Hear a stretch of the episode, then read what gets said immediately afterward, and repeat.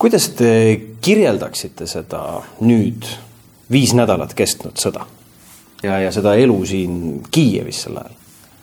noh, ta on mõnes mõttes muutunud rutiiniks. ehk et nädalad on muidugi erinevad olnud.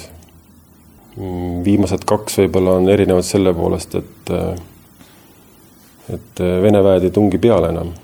ukrainlased teevad vasturünnakuid taktikalisel tasandil ja Kiievis on kõik rahulik, Kiievis ei ole väga palju muutunud kesklinnas siiski ma tahaks uskuda, et inimesi on tavapärasest ikka väga-väga palju vähem, et kui tulla siia normaalsel ajal, siis oleks Kiiev rahvast täis. oo jaa, kõik need ummikud ja rahvamassid, mis siin ennem olid, need on kõik praegu kadunud. aga mulle tundub, et ikkagi võrreldes paari esimese nädalaga on inimesed hakanud tagasi tulema. või, või vähemalt nad on välja tulnud. on mingid kohvikud lahti tehtud, poed töötavad, apteegid, bensiinijaamad kas äh, kiivlased omavahel räägivad ka sellest, et kaua see kestab? ma ei oska öelda, mida kiivlased omavahel räägivad, sest mina otseselt nendega, inimestega tänaval ei räägi, ma räägin oma kaaslastega, kellega ma siin oma tööasju ajan.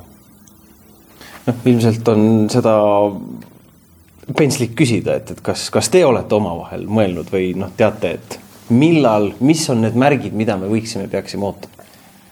no sõda lõpeb ikkagi siis, kui on, see sõda lõpeb siis, kui Vene väed on Ukrainast läinud.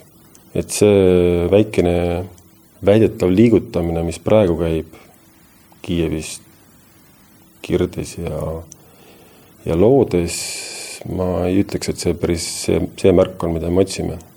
et äh, Vene väed on, nagu ma ütlesin, ei ole kaks nädalat pealetungi teinud põhja, põhja poole on kaitsel ja nad grupeerivad ümber.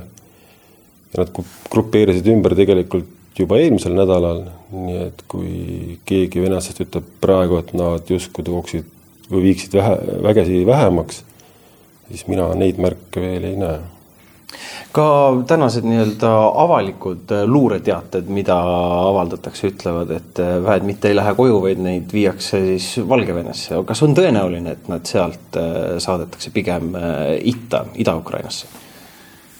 raske öelda, jah, venelased on ametlikult öelnud, et nad oma põhisuuna on avanud idas, ehk siis nad tahavad vabastada Luhanski ja, ja Donetski oblasteid kas need väed, mis nüüd siit on välja roteerunud, lähevad kuhugi sinna, ma ei tea kui äh, Kiievi ööde peale mõelda, siis äh, mõned äh, nii-öelda hmm, kogenumad mehed täna õhtul ütlesid, et ärge seda õhuhäiret tähele pange, siia ei tule mitte ükski rakett. kuidas, kuidas teie siin saatkonnas suhtute sellesse õhuhäiresse?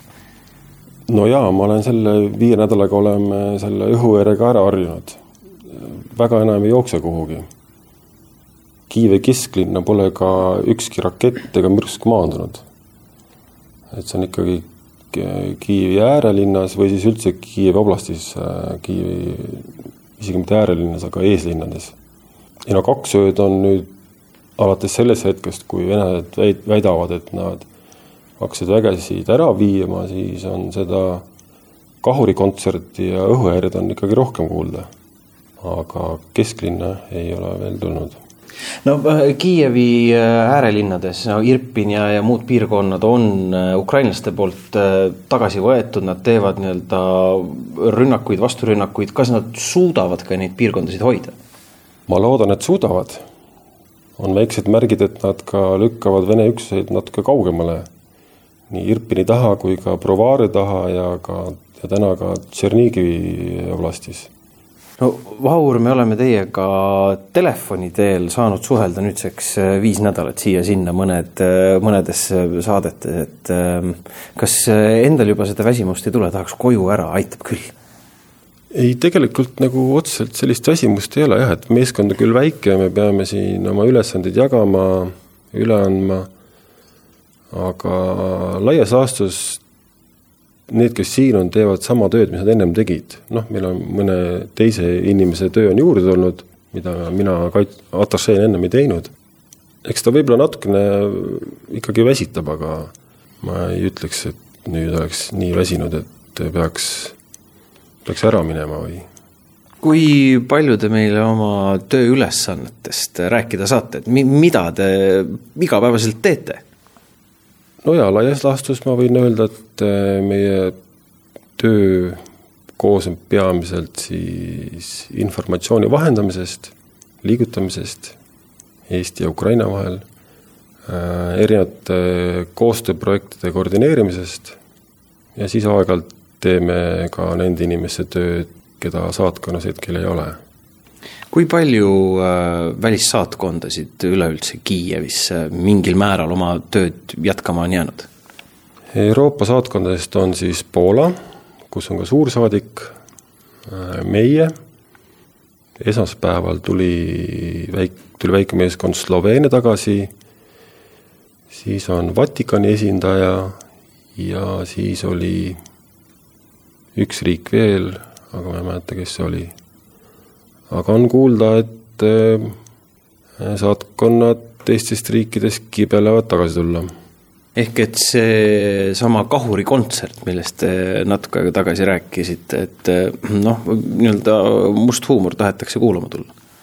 ei noh, vaevalt nad seda nüüd kuulama tahavad tulla, aga, aga eks need sõnumid võib-olla jõuavad nendeni ka, et, et Vene, Vene väed enam aktiivselt siin peale ei ründa jalaväega on see nii-öelda nagu märk sellest, et noh, et näitasime Vene vägedele Kiievit ei ole võimalik võtta, et, et on see selline nii-öelda Ukraina sõjaväe muskli näitamine?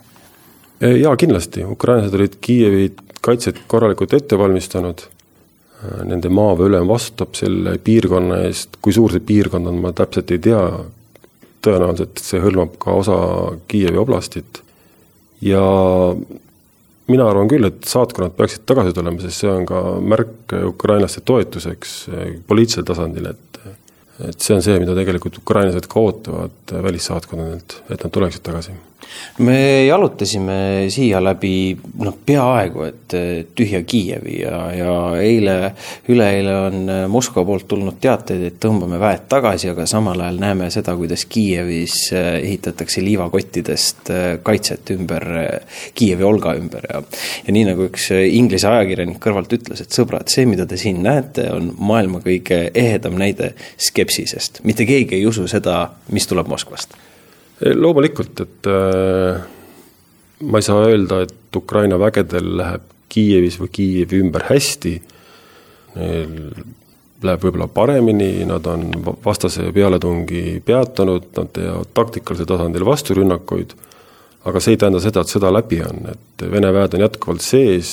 ka Kiievi ümbruses, mitmel suunal, ja loomulikult tuleb selleks ette valmistada ja ja seda inimesed teevad. no kas tulevikuvaade mingil viisil säärane on ka võimalik, et äh, osa Ukrainast siiski jääbki okupeerituks, aga see sõda, mis täna viiendat nädalat või nüüd kohe algavat kuuendat nädalat käib, äh, saab oma, oma lõpu nii-öelda, kahurid vähemasti vaikivad? no ma ise loodan küll, et Ukraina lõpetab sõja selliselt, et ka need alad on tagasi, mis neliteist neil ära võeti kuidas see läheb, seda on väga raske nagu ennustada, et äh, Venemaaga on üsna raske asju ajada. aitäh selle intervjuu eest! palun!